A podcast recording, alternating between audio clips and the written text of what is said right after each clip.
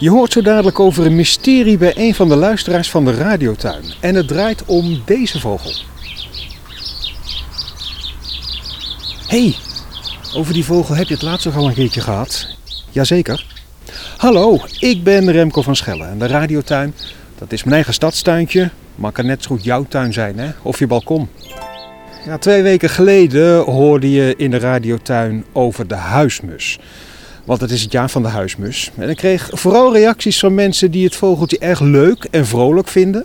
Vaste natuurlijk kennen Erik Milieu. Goedemorgen. Goedemorgen Remco. Is dat gekwetter inderdaad vrolijk? Ik vind van wel. Ja, het is natuurlijk ook wel een territoriaal gekwetter, hè? maar het zijn, het zijn uh, uh, vogels die graag in, in grote groepen, in kolonies leven. Uh, dus die moeten heel veel communiceren met elkaar. Dus ja, volgens mij is dat een hele gezonde manier om, om samen te leven met elkaar. En prettig dat we weer mussen zien, want lange tijd ging het slecht hè, met de huismus. Ja, het ging slecht. Ik moet ook wel eerlijk zeggen, het gaat af en toe nog steeds een beetje slecht. Maar we zijn er gelukkig wel wat beter over aan het nadenken wat ze nou eigenlijk echt nodig hebben. Want het is soms wel eens zo geweest dat wij eigenlijk beslissingen nemen met onze omgeving die toch wel heel erg slecht uitgepakt heeft. Daar is een verandering in aan het komen.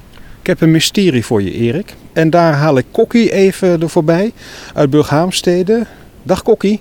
Goedemorgen. Hoeveel mussen heb jij in je tuin? Oh, ik heb, ik heb er meer dan tien. Ja. In het vogelhuisje en op de stenen. Komen ze dan elke dag langs? Ja, elke dag. Want ik uh, let op of het voer op is. En ik hang ook wat op aan het spijltje van het voederhuisje. Nou, dat is groot plezier. En ineens zijn ze allemaal weg. Waar zijn ze gebleven? Ze vlogen weer terug in de hulsboom. Daar vliegen ze dan in als ze gegeten hebben. Er zitten van die gaten in. En ineens allemaal weg. Niet eentje meer. Heel apart. Als ik kon vliegen, vloog ik erachteraan. Maar dat kan ik niet. Weg zijn de mussen bij jou, Kokkie. Nou, ik ga het maar eens eventjes voorleggen aan Erik. Waar zijn die mussen gebleven? Oei, ja, kon je er inderdaad maar achteraan vliegen, hè? dan zou ik het ook doen. Nou, ik moet zeggen, een, een, een huismussenkolonie heeft ongeveer een leefgebied van uh, maar 500 meter. Dus uh, waar ze zijn, niet ver. Alleen, de vraag is natuurlijk, waarom komen ze nou niet meer elke dag? En ik vond het wel een interessant punt dat, uh, dat ze zei dat er een, een hulst is waar ze altijd uitvliegen. En dat, ik, dat is een leuk woord. kwetterplaatsen zijn dat eigenlijk. Hè? een struik, en voedsel in de buurt. En die struik waar ze dus veilig in weg kunnen duiken als er een sperwer voorbij komt of een kat aankomt lopen. Maar dan dat, dat heen en weer, dat is wat je natuurlijk ook altijd ziet. En daarom is het goed dat ze een groen blijvende struik heeft. Van hulst of uh, liguster blijft vaak groen in de winter. Dat zijn van die plekjes waar ze echt wel behoefte aan hebben. Maar ja, nu in dit geval, ik vind het een interessant mysterie. Ja, want waar zijn die mussen gebleven? Kennelijk zijn ze dus echt gewoon helemaal weg. Ja, nou laten we hopen dat ze een andere plek gevonden hebben in de buurt. Die nog even aantrekkelijker is. En dan, kijk, 500 meter, dat klinkt heel dichtbij. Maar dat kan ook natuurlijk in onze, onze dorpen, kan het best twee straten verder zijn. Dat ze weer terugkomen vliegen. En dat zie ik ook heel vaak. Dat ik denk, waar zijn ze nou, waar zijn ze nou? En dan zitten ze gewoon aan de overkant van de straat, zitten ze daar in de heg.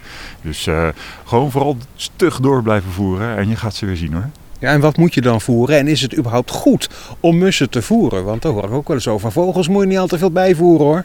Ja, ik, ik ben eigenlijk wel fan van bijvoeren hoor. Dat, uh, daar ben ik heel simpel in. Omdat we natuurlijk al zoveel van hun plek in beslag nemen. En zoveel van hun voedsel wegkapen. Dat, uh, dat we eigenlijk best af en toe wat terug mogen doen.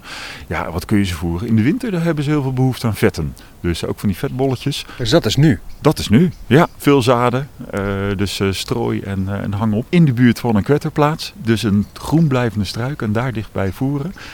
en als je voor de zomer nog iets leuks wil doen. Dan zorg je dat er onder zo'n zo'n struik, dat er ook een beetje iets zanderigs ligt. Haal er een tegel uit waar ze een beetje kunnen badderen. Dan heb je echt het ideale mussenverblijf.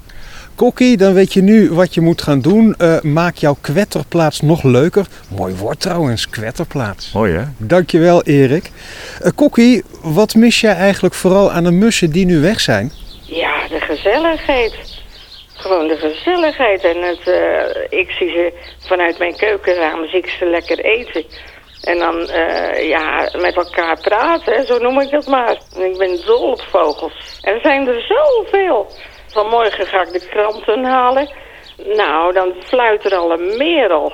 Remco. En nou, dat vind ik helemaal een mooi, mooi gezellig beest. Ja. Die kan 30 melodietjes fluiten. Weet je wat ik zo leuk vind? Eh, We we gaan allemaal naar bossen en duinen om de natuur te beleven. Wat heel mooi is natuurlijk.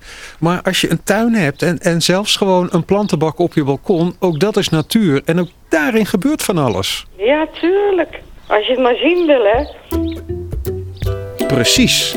Je moet het wel willen zien. Heb je mooi gezegd, Kokkie. En dat doen wij ook, hè? elke week weer in de radiotuin samen met jou. Je verwonderen over de natuur dichtbij. Alle babbels met Erik vind je op radiotuin.nl. Daar kun je ook reageren. Altijd leuk. Tot volgende keer.